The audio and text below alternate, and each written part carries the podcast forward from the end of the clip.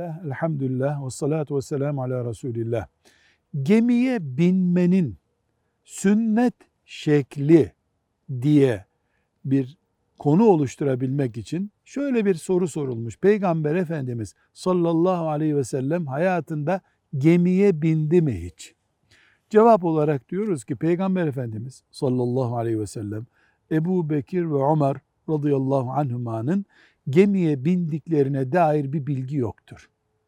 Diğer sahabilerle ilgili belki olabilir de Efendimiz sallallahu aleyhi ve sellem Ebu Bekir ve Ömer radıyallahu anhuma ile ilgili gemi yolculukları sabit değildir. Ama Kur'an-ı Kerim Nuh aleyhisselamın gemisine e, binerken Bismillahi mecreha ve mursaha dediğini söylüyor. Dolayısıyla gemiye binerken Bismillahi mecreha ve mursaha denir.